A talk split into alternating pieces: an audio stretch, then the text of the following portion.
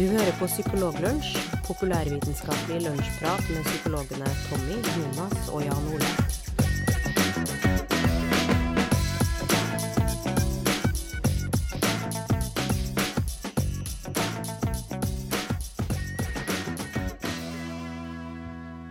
God dag, alle lyttere, og velkommen til en ny episode av Psykologlunsj.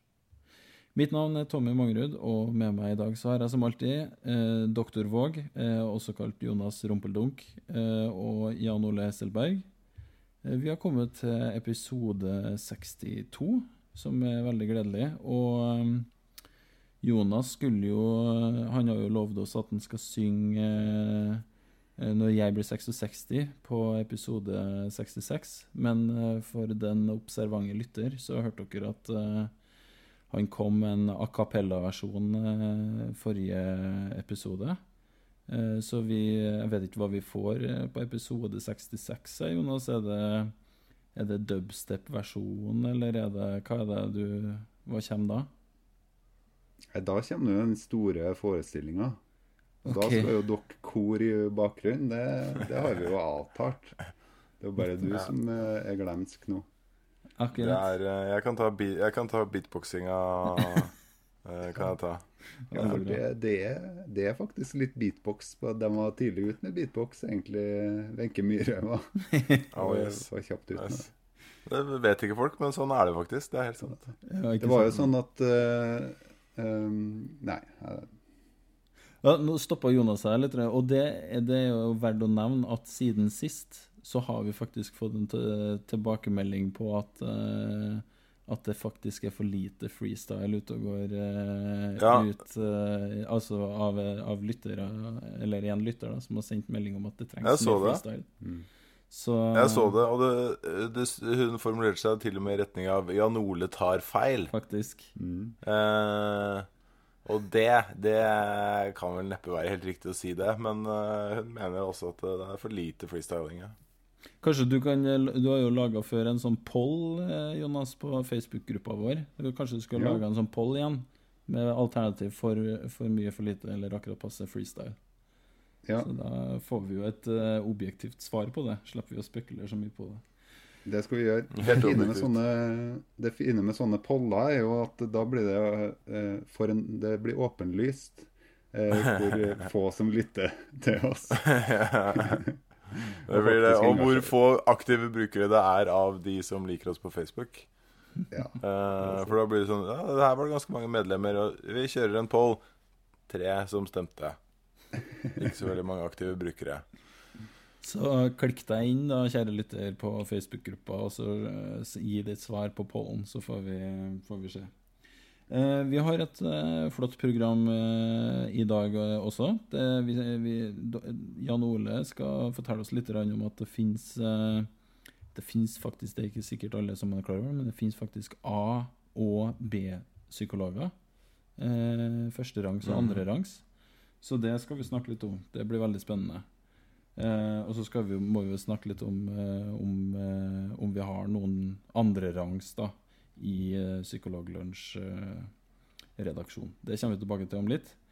Eh, men før det så tenkte jeg at jeg skulle ta en nyhetssak som var litt Som vekka min såkalte interesse når jeg scrolla meg gjennom internettet.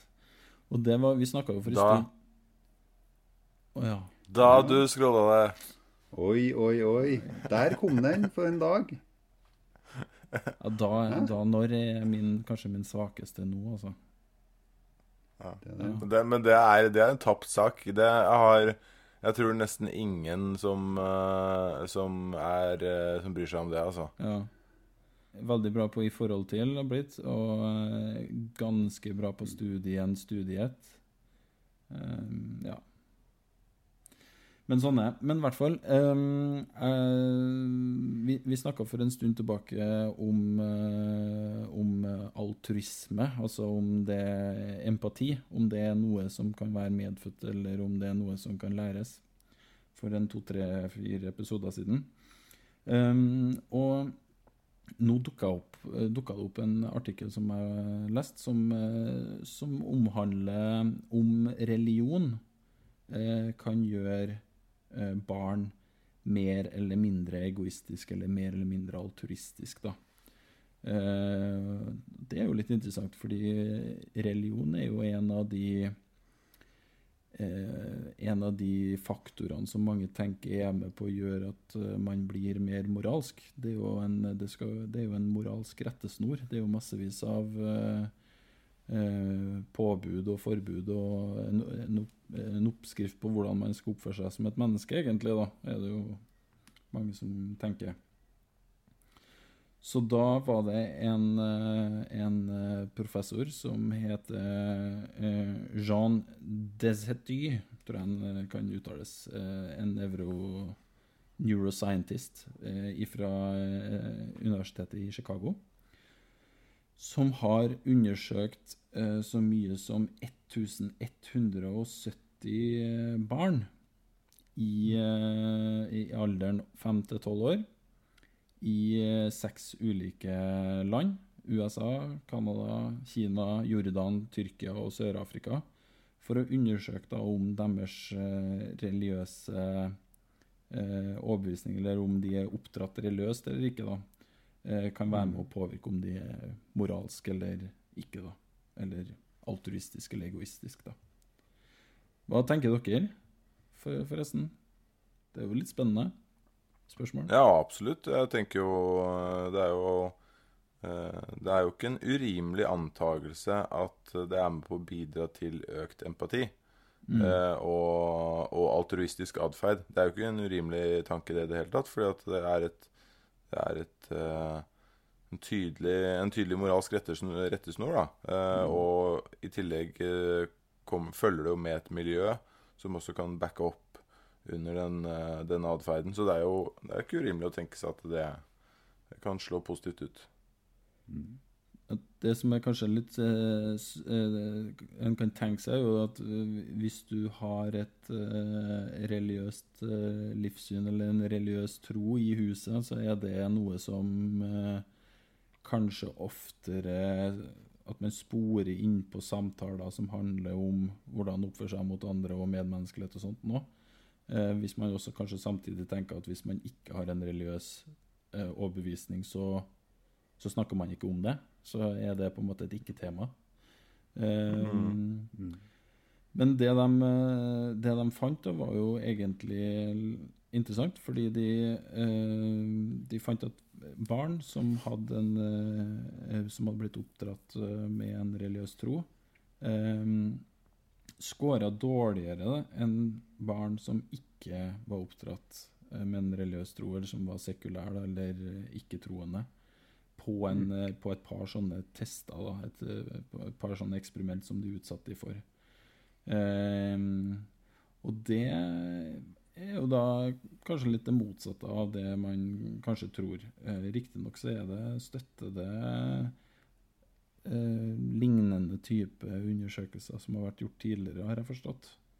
Uh, så det er egentlig to, to hovedfunn. Det ene er at eh, de er mindre villige til å dele eh, et gode som det er lite av, da, i et eh, eksperiment som de kaller for eh, The Dictator Game. Mm. Og så er det også Det andre eksperimentet gikk på at de så videoer av noen eh, tegnefigurer, tror jeg det var, for det var ikke ekte, ekte film, i hvert fall, men uh, av, av, noen som oppførte seg dårlig da, mot uh, noen andre. Og de ble da spurt om de hva de synes om, om, det som skjedde, og hva de mente var en rettferdig straff. da. Og der vurderte troende at uh, handlingene var styggere eller verre, og at uh, straffa burde være mye hardere da, enn ikke-troende. Mm.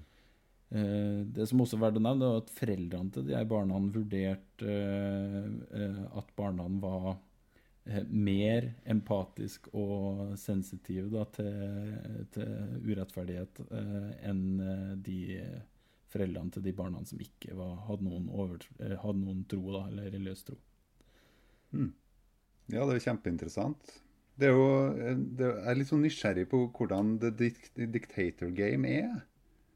Ja, The Dictator Game, det er at man får um, Jeg tror det er noen uh, Det er noen sånne tokens, på en måte, eller som det er noen klistremerker eller et eller annet da, som det er få av. Så får barnet velge seg dem de syns er finest, og så er det, er det, ikke nok til alle. Og så, eh, så blir, får de muligheten til å dele med andre barn eller noe sånt. Nå, da.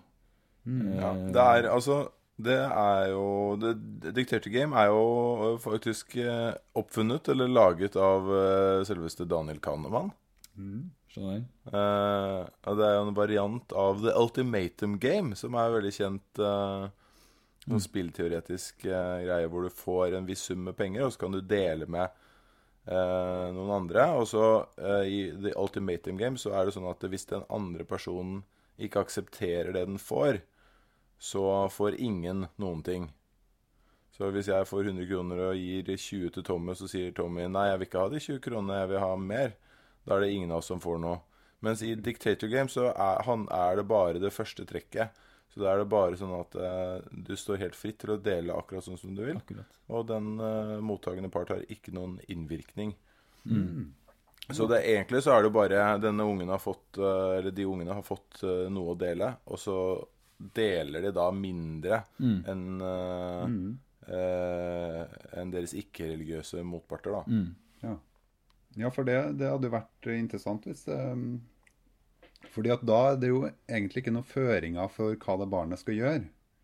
Uh, og man kan jo se for seg at uh, altså, uh, det er jo ofte altså, Når man vokser opp med en type religiøs tro med, med, ulike føringer for hvordan man bør oppføre seg moralsk og, og overfor andre mennesker, så, eh, så, er det jo enklere for det barnet å vite hvordan det skal handle. da. Mm.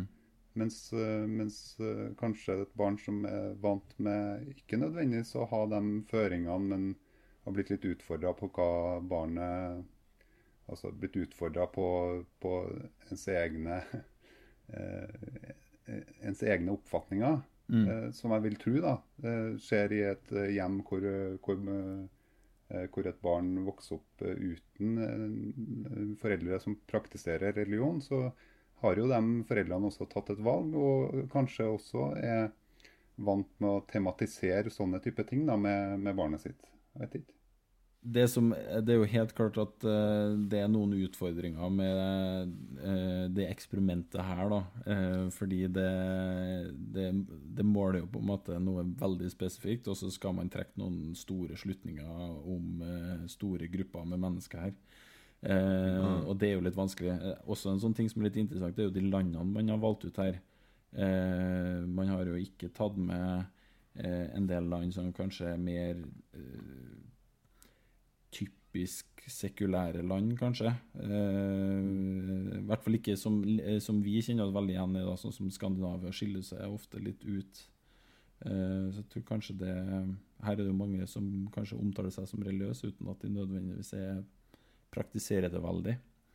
Mm. Um, men en, en, ting som kanskje er litt beslekta med det, tenker jeg, som, er, som, vi vet fører til at folk oppfører seg dårlig mot andre, det er jo med en gang man begynner å eh, dele opp mennesker i grupper som er mer eller mindre verdt, om en skal si det sånn. Um, så det, det, å, det å skille veldig på oss og dem, uansett hvilken retning det her er, tenker jeg da, om du er troende eller ikke troende, eh, er jo ofte en veldig effektiv måte å på en måte eh, eh, omtale eller tenke på andre mennesker som noe veldig kvalitativt annerledes enn oss sjøl. Mm. Det er jo en sånn motorvei til å egentlig oppføre seg dårligere mot folk, da. Mm. Uh, en annen ting som er interessant, er jo hvordan de, har, målt og delt opp i grad av religiøsitet, på et vis. da. Eh, om hvorvidt det omhandler spørsmål om hvorvidt man eh, hvor, hvor sterkt man lever i tråd med Skriften, på et vis. Eller, eh, eller om det handler mer om å få om hvorvidt man er en medlem av et uh, trossamfunn. Eh, det vil jeg tro er ganske to forskjellige ting. da. Ja, de, hadde Eh, brukt et, eh, de hadde brukt et standardisert eh, skjema for å måle med flere items for å måle grad av religiøsitet. Ok. Mm. Og, da, og de har selvfølgelig forsøkt å kontrollere for uh, utdanning og Ja, Det vil jeg jo regne med. Uh, Ja. Nei, det er jo Det er alltid vanskelig med sånne studier, for som du sier, at man, at man trekker noen slutninger fra noen ganske sånne smale funn, og prøver å, eh, å forklare store eh, Mye, mye større ting, da. Eh, som som empatisk eh, Empatiske holdninger, atferd og eh, da altruistisk atferd. Det er, er veldig vanskelig å trekke de slutningene. Og i tillegg så er det jo massevis av variabler her som man ikke har helt kontroll på. da. Mm. Eh, og jeg, jeg tenker kanskje spesielt i land hvor, hvor det i utgangspunktet er høy andel med religiøse, så vil de som er ikke-religiøse, ofte ha veldig mange spesielle eh, trekk. Eh, fordi det er et spesi veldig spesielt valg å ta. Det kan handle da f.eks. om utdanning, men også om helt, eh, veldig mange andre ting. Mens i Norge så er det kanskje ikke så stor forskjell på eh, de som er religiøse og ikke-religiøse. Eh, I hvert fall i visse områder da, av landet. Ja, det er sant. Men jeg synes at det er et veldig spennende tema som jeg liker å se at det gjøres forskning på. For at det er akkurat det her som det temaet vi var inne på sist. Altså kan empati læres, eller er det noe som er genetisk? Eh, og, og jeg tenker det er jo det, Hvis man da skal velge å dra noe ut av dette her, så er det jo det at eh, det er noe som ligger til grunn der, uavhengig av f.eks. religion. da. Eh, altså det det er, ikke noe, det er ikke noe vanskelig for folk å se for seg at det er mulig å oppføre seg moralsk uten religion. Det, det, selv om det, det noen strever med det i enkelte andre land, men det er mulig, og det, eh, det er i hvert fall, viktig at man ikke eh, opplever at det er noen enerett på moralsk eh, atferd eh, hos eh, folk som er troende, f.eks. Det du prøver å si, det er at eh, du tror det er mulig, selv om du er ateist, å tenke og komme fram til at det ikke er riktig å begjære sin nestes asen. Mm. Akkurat det jeg tenkte mest At på. det, det er en slutning man klarer å komme til på egen hånd. Man trenger ikke en gammel bok for å lande på den konklusjonen. Og, og det tar du faktisk opp som en liten sånn greie i den uh, artikkelen her også, det her med at uh, skandinaviske land, da, som er, er noe av de mer sekulære i verden, er også noen av de mer fredelige nasjonene i verden. Ikke nødvendigvis at det er en årsakssammenheng der, men det er i hvert fall ikke sånn at det utelukkes, fredelighet utelukkes fordi at vi er lite troende. Mm. Så det var det. Jeg syns det var interessant, i hvert fall. Eh, Skulle gjerne skjedd litt mer eh, forskning på det, så mm, vi får se. Men eh, gutta Første- og andrerangs psykologer. Ja. Første- og andrerangspsykologer, A- og B-psykologer. For de av dere som ikke kjenner til dette fenomenet fra før av, og som ikke er langt inn i psykologiens verden, så er det jo sånn at eh, eh, man kan ta psykologutdanningen sin i Norge og gå profesjonsstudiet og bli eh, få muligheten til å kalle seg psykolog. Eh, Eller så kan man få muligheten til å kalle seg psykolog, bli autorisert som psykolog, også ved å ha tatt utdannelsen sin på andre måter. Enten ved å ta noen psykologifag i Norge og så legge på noen psykologifag i utlandet, eller gå hele studiet i utlandet. Eh, F.eks. da i Danmark eh, eller Sverige eller eh, Polen eller Ungarn. Det er mange steder man kan studere psykologi og få det godkjent i Norge eh, etterpå. Eh, og da er det jo noen eh, som kanskje tenker at eh, i Norge, det greiene vi har i Norge, er veldig, veldig bra. Eh, det psykologistudiet, profesjonsstudiet. Og vi er litt usikre på hva de egentlig holder på med der i utlandet, så vi er litt kritiske til det. Dessuten så har det vist seg at det kan til og med være sånn lettere å komme inn på de studiene i utlandet. Noen ganger så trenger du ikke like bra karakterer som du trenger her i Norge. Eh, akkurat sånn som med medisin. Så er det, er det egentlig litt sånn Er det feigt? Blir det litt for lett å komme inn der? Hvor flinke er de egentlig når de ikke klarer å komme inn i Norge? Eh, og eh, vi har jo faktisk en sånn eh, B-psykolog i våre rekker. Eh, Tommy Mangerød. Jeg sier ikke at du er B-psykolog, altså det ville jeg aldri sagt. Men det jeg prøver å si, er at Jonas er B-psykolog. Ja, det er jeg. Det er jeg. vet. Og det, jeg er jo ikke bare B-psykolog, men jeg har jo en annen utdannelse som er master i psykologi eh, i tillegg. Mm. Eh, og det, det også For å ikke snakk om B-psykologene, men eh, mastere i psykologi, de er også eh, gjerne også ganske reelle. Altså, det, det er noen gnisninger mellom folk som har eh, den masterutdannelsen, eh, og enkelte personer som tar profesjonsutdanning. Litt fordi at master i psykologi ble in introdusert eh, en god del i etterkant av profesjonsstudiet kom. og og den utdannelsen skulle ha ført til en mer sånn forskningsbasert eh, psykologikompetanse, da, som ikke handla om å utøve klinisk virke. Så eh, Og da får du ikke lov til å kalle Da blir du ikke autorisert som psykolog. Nei, da, da kan du ikke kalle deg psykolog, så da ender man opp med en sånn eh, eh, Før så kalte man det atferdsviter, men eh, jeg vet ikke hva folk kaller seg nå. De kaller seg mest sannsynlig master i, i psykologi, da. Og det, Men det er jo det, er det, det Akkurat det er jo et litt annet spørsmål. For nå er det jo snakk om eh, de som kaller seg, kan med rette kalle seg psykologer alle sammen, men som eh, har en litt forskjellig vei til denne autorisasjonen. Absolutt. Og det var jo sånn eh, til meg vet du, at da jeg ble master i, eh, i psykologi først, så fant jeg ut at eh, fordi at jeg hadde lyst til å forske innenfor psykologi, så fikk jeg en stilling på universitetet som universitetslektor. Så skulle jeg undervise oppe på Psykologisk institutt på NTNU, for jeg gikk jo på samme, samme instituttet som dere, eh, som da dere, eh, studerte der. Eh, fikk jeg tilbud om å stå, og undervise i arbeids- og organisasjonspsykologi. Men så fant jeg ut at jeg hadde jobba i, i seks år på akuttposten på Østmarka. Og der hadde jeg syntes at det egentlig var veldig ålreit å jobbe med pasienter. Og der jobba jo Jan Ole også, og jeg så jo opp til Jan Ole og tenkte at han var en fantastisk fyr. Så, sånn, sånn har jeg jo lyst til å bli, men, eh, men jeg, jeg kan ikke jeg kan ikke ta profesjonsstudiet om igjen. Det vet jeg at det er andre som har gjort, men det, det, det, det gjorde ikke jeg. Eh, og da var det sånn at eh, på den tida så var det sånn at eh, da var det én mulighet. Og det, fordi da drev man ikke og godkjente så mange utenlandske studier som, som ekvivalent, eller, eller lik som norske utdanninger. Så da måtte man dra til Danmark og ta kandidatutdannelsen, som en toårig, egentlig en master i, i klinisk psykologi. da.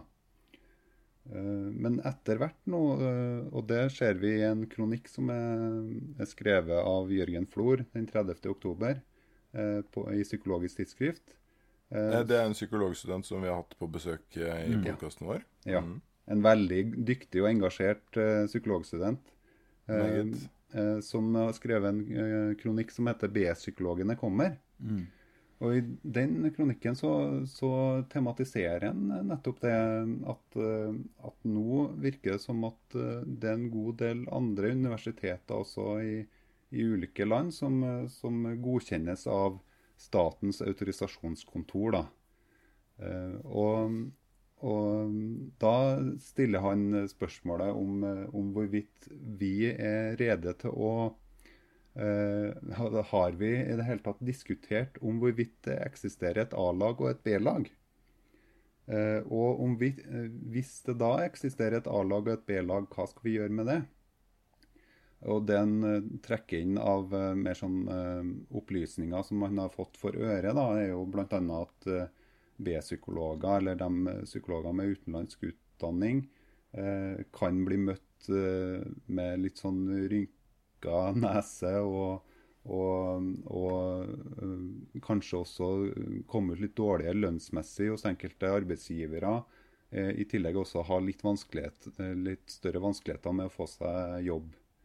Um, så, så han ønsker jo å tematisere om hvorvidt, hvorvidt det der er et tilfelle.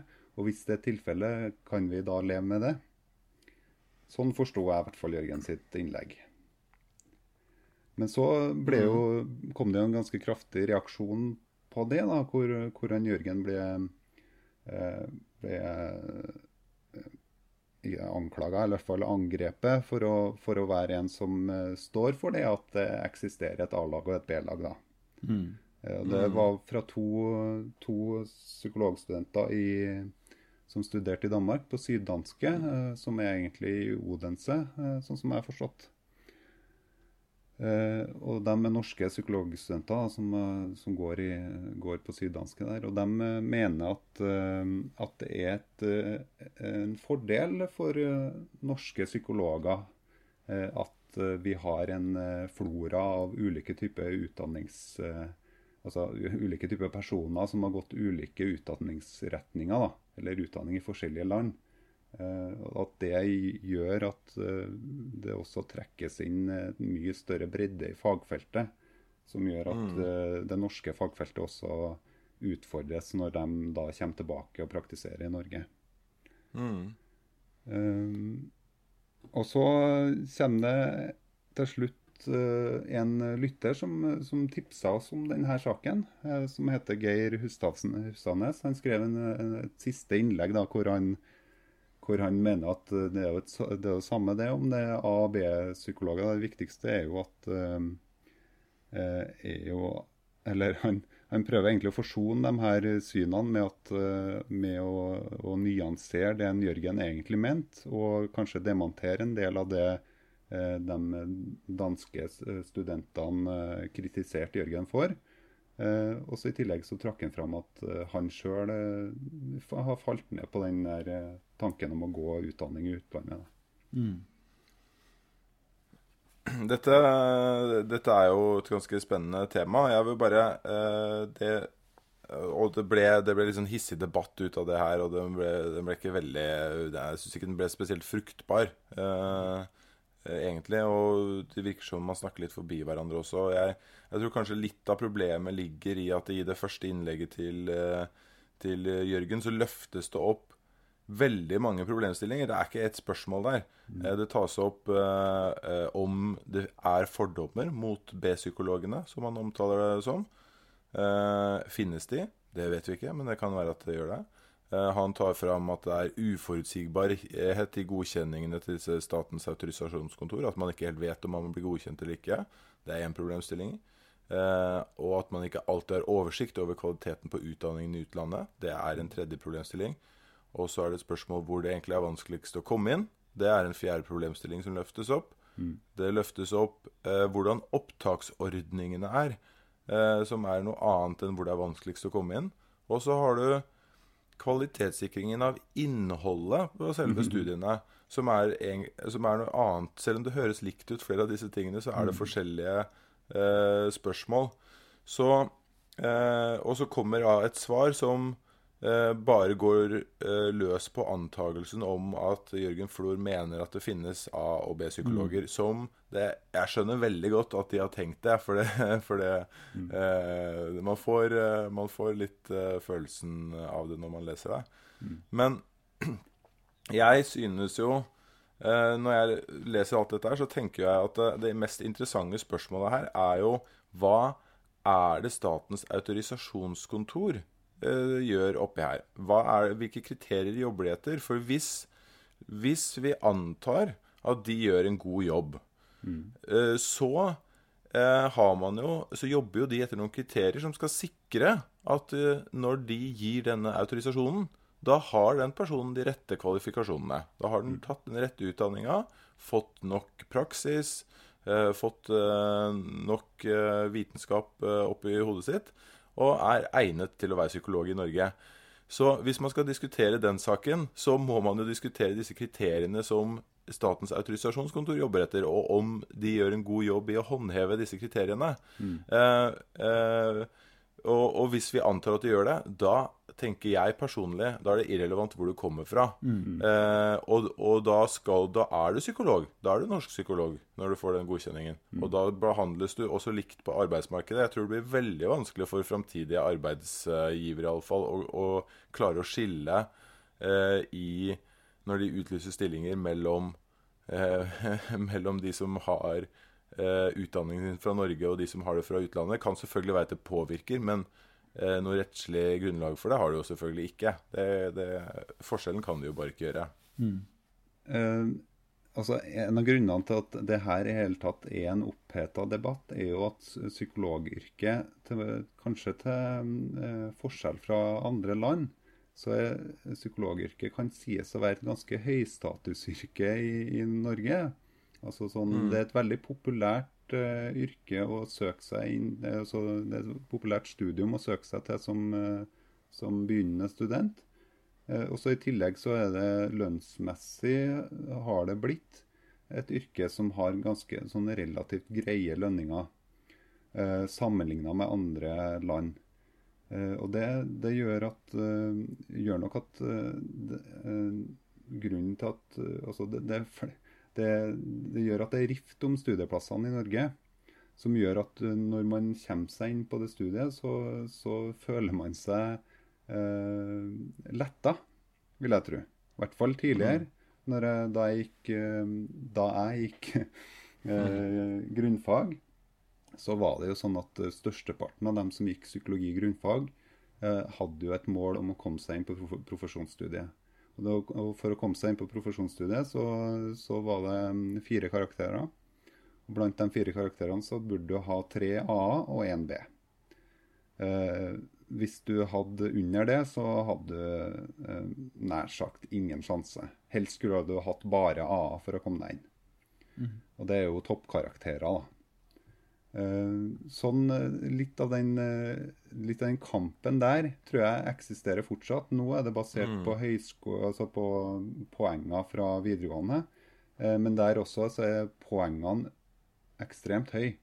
Altså det, i, på NTNU annet så er psykologistudiet et av de høyeste eh, med tanke på hvor antall eh, eh, poeng du skal ha for å kunne komme, ned, komme inn. Det gjør også at eh, følelsen av at du har jobba så hardt for å komme deg inn, eh, og så ser du at andre kan ha, ta en snarvei da, inn, eh, det gjør nok at uh, det her temaet altså, Det er jo en forståelig prosess, det at man, eh, noen reagerer på at, på at, uh, på at enkelte også kommer seg inn på en lettere type måte. da. Men, uh, men det igjen jeg enig med Jan Ole at så lenge studiet du går, eh, har den kvaliteten som kan sammenlignes med kvaliteten på studiet i Norge, eh, så har det ingenting å si. Jeg vil, eh, jeg vil våge meg på å si at jeg er litt Muligens litt uenig i det. Eh, altså, jeg, Så lenge kvaliteten er bra, det er jo en sånn forutsetning uansett. Altså, det gjelder jo alle yrkesgrupper. Du vil jo helst ha en, en lege som vet hvilken, eh, hvor de ulike kroppsdelene er i kroppen osv. Og, så og du vil helst ha en psykolog som har eh, peiling også. Eh, så det er selvfølgelig en forutsetning. Men det er jo en litt sånn større diskusjon som kommer ut av det her, tenker jeg, med hvilke kriterier er det du skal benytte når du skal selektere mennesker inn til studier, ulike typer utdanninger. Det, og det gjelder både medisin og, og psykologi og sikkert flere. Eh, fordi eh, det her er igjen et tema jeg tror vi var inne på for veldig mange episoder siden, sikkert 40 episoder eller 50 episoder siden vi snakka om psykologpersonligheten. Eh, fordi eh, både leger og nå psykologer, etter at opptaket ble fra videregående i mange plasser, eh, kan man anta at det har blitt en veldig homogen gruppe. da. Det er, en, mm. det, det, det er blitt mindre variasjon i her er en, en antakelse, men kanskje en mindre variasjon i personlighetsutforminga på de her menneskene, til og med. ikke sant? Uh, så det er jo et lite spørsmål der òg. Det er kanskje ikke det viktigste spørsmålet, for du vil jo ha kompetente folk, men det er også noe med hvilken variasjon ønsker du både blant leger og psykologer, andre yrkesgrupper. Eh, ja. Mm. Ja, absolutt. Og man kan tenke seg at, det, at, eh, at noen kommer utenfra og bidrar til å øke det, det mangfoldet. Det kan man, eh, kan man kanskje anta. Men det, det, er et, det er egentlig et annet spørsmål enn om de er skikka som psykologer eh, eller ikke. Og, og om da Statens autorisasjonskontor er skikka til å skille mellom om de har blitt det eller ikke. Mm. Så det, er, det er veldig mange følelser her, litt for mange problemstillinger som tas opp på en gang. Og så, og så dukker det opp noe som jeg vil si det svaret til eh, som kommer etter Jørgen Flo sitt første innlegg. Så er det eh, grenser mot et litt sånn personangrep og, eh, i den teksten her, som, som trekker fram det at Jørgen eh, selv har vært ute og snakket om at han har brukt lang tid på å komme inn på psykologi i Norge.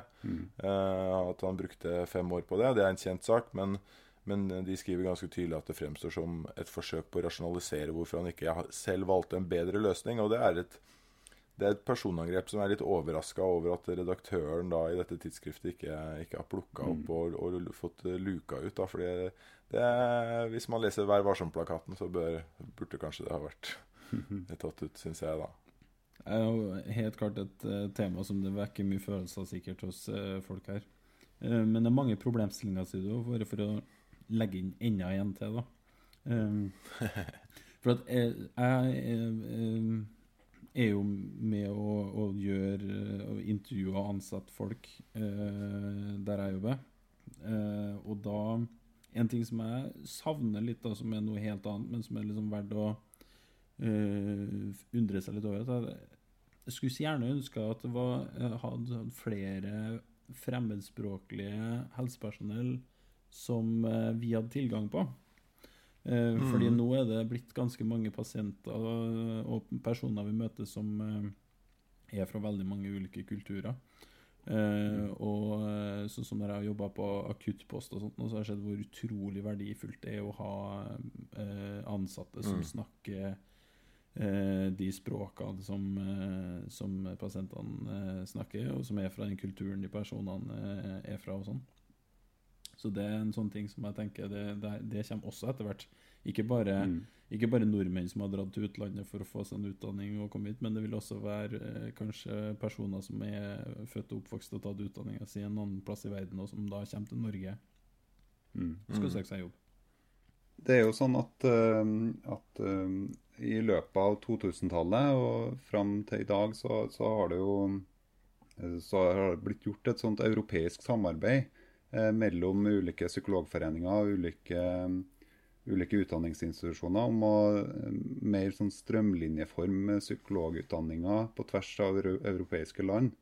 Eh, noe som kalles eurosy-godkjenninga. da. Eh, hvor, man, eh, hvor man prøver å finne fram til noen felles kriterier av hva som bør være innholdet for å kunne praktisere bl.a. som helsepsykolog, eller som klinisk psykolog, eller som organisasjonspsykolog. Eh, og det, jeg tror nok at det arbeidet gjør også at eh, SAK har, har litt flere kriterier å gå ut ifra nå. Eh, på hva, de, hva de må se etter for å godkjenne en eh, psykolog med utenlandsk utdanning, enn de hadde tidligere.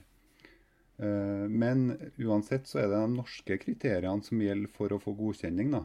Eh, Så at jeg, jeg som hadde en dansk utdanning, som var god nok i Danmark til å begynne å jobbe som eh, psykolog der, eh, måtte eh, jobbe i to år under eh, lisens når jeg kom tilbake.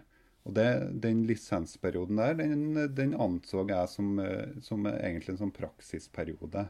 Eh, som, som egentlig eh, tenker jeg kompenserer en del for de eh, kanskje manglende praksis som, som Eller den diskrepansen i praksis som man hadde i, i København, kontra det som er i Norge. da.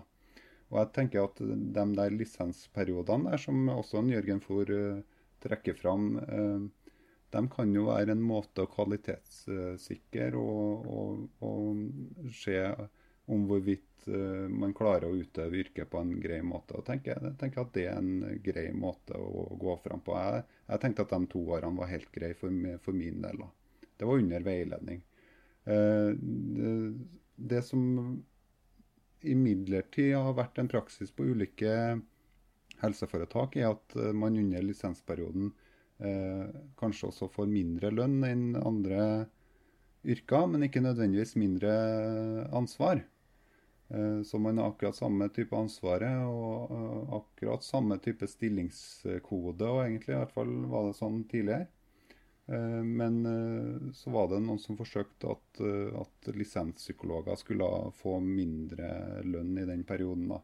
Og Det skjønner jeg at det blir reagert på, for, for, for det er jo det samme type yrkesutøvelsen. Og så er det jo litt interessant også at det er jo ikke sånn at man etter psykologutdanninga er ferdigutlært. Jeg opplevde ikke meg sjøl ferdigutlært i hele tatt da når jeg starta som eh, praktiserende psykolog. Jeg syns det, det var da egentlig mye av læringa starta. Eh, for det å bli møtt med en eh, klinisk hverdag var helt annerledes enn det, det jeg ble opplært i sånn på eh, Universitetet i København. Der, mm. du, der diskuterte du pasienter opp og i mente. Eh, mm. Og kunne ha lange teoretiske utgreininger om ulike typer atferd og ulike typer følelsesmessige uttrykk. Eh, mens, mm. eh, mens, i en klinisk hverdag så utfordres du på, på, å kunne gjøre raske vurderinger som likevel er ivaretagende for pasienten. Og det, ja, og det, ja. Ja, jeg tror, eh, jeg tror nå, nå, skal det sies at det, de som har skrevet disse innleggene, er jo utelukkende, er jo utelukkende studenter. Eh, og kanskje det, gjør det noe med perspektivet også. Ja, det er jo veldig bra studie, eh, studier i Norge.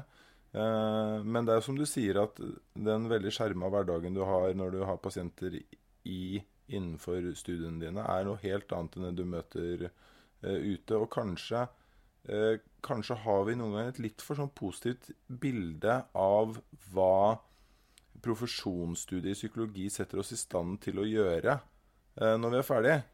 Eh, og at det eh, Og at eh, vi kanskje er litt sneversynte hvis vi tenker at andre, altså, universiteter i utlandet er dårlige på å, å, preppe studentene sine for det.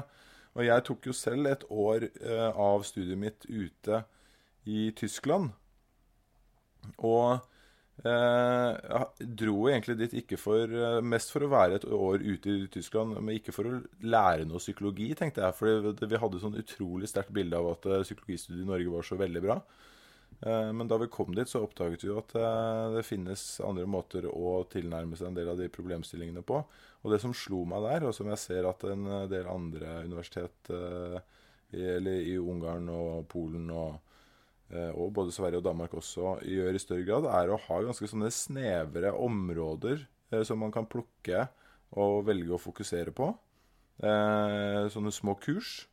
Og så har man professorer og førsteamanuensiser som er kjempeengasjert i disse temaene. Og så leser du bare oppdatert forskning på disse temaene. og får spissa kompetansen din veldig på, mm. på disse tingene. Mens i Norge så er det veldig ofte sånn Her har du en lærebok i dette temaet som ble skrevet og ble ferdig for fem år siden. Og nå skal du lære deg dette som står i denne læreboken. Eh, og så eh, er det kanskje ikke så oppdatert og ikke så eh, nytt som det burde være alltid. Så jeg, jeg ble veldig positivt overraska da jeg var studert i Tyskland og følte at jeg fikk veldig mye ut av den tilnærmingen. Det er jo et tema som kan diskuteres i det uendelige, føler jeg. Og det er, jeg er ikke helt sikker på om det er alle, alle sammen av lytterne våre det treffer like godt, siden at det er kanskje for de som er veldig opptatt av psykologiutdanninga. Men det viktigste tror jeg med hele diskusjonen er det at jeg og Jan Ola har funnet en ny måte å eh, få plassert Jonas litt lenger ned på rangstigen igjen, etter at han ble doktor Våg. Eh, og det, ja. Du kan jo være så mye doktor du vil, men hvis det, den doktorgraden hviler på eh, en sånn B-psykologutdanning som vi ikke helt vet egentlig hva handler om Er det, er det tegning med fargestifter som har, har vært et fag? ikke sant? Mm. Uh, har det vært uh, svømming i veldig grunt basseng? Ja. Har det vært et annet fag? Ja. Så ikke sant, vi vet ikke. Eh, så da, hva, hva betyr doktorgrad da? forsvarsmekanismer via pantomime. Var det det som var greia, liksom? Uff, ja. Var, dere skulle bare visst. Det var, det, var, det var, hardt å være på B-laget, for å si det sånn. Ja. Da, men, men, ja. men, er det så farlig å være B-psykolog, da? Tenker jeg tenker at det er fint, det. Det hvis, du hvis du deler opp i A- og B-menneske, da. eh, Den gode gamle A- og Da er du. B-psykolog, Jonas. Helt Så, så er jeg B-psykolog, altså. Det er det. Det er det. OK, det, det, det, vi, eh, vi skal runde av for i dag, og så får vi si at det her var eh, freestyle-kvoten eh, for denne episoden. Så vi fikk litt med det også. Så tenker jeg at vi sier eh, ha det bra, og på gjenhør om et par uker.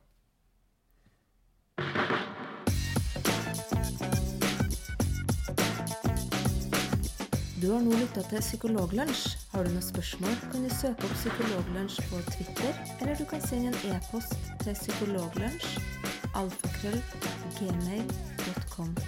Mer informasjon om temaet du har hørt i dag, finner du på psykologibloggen.no og tankesmed.no.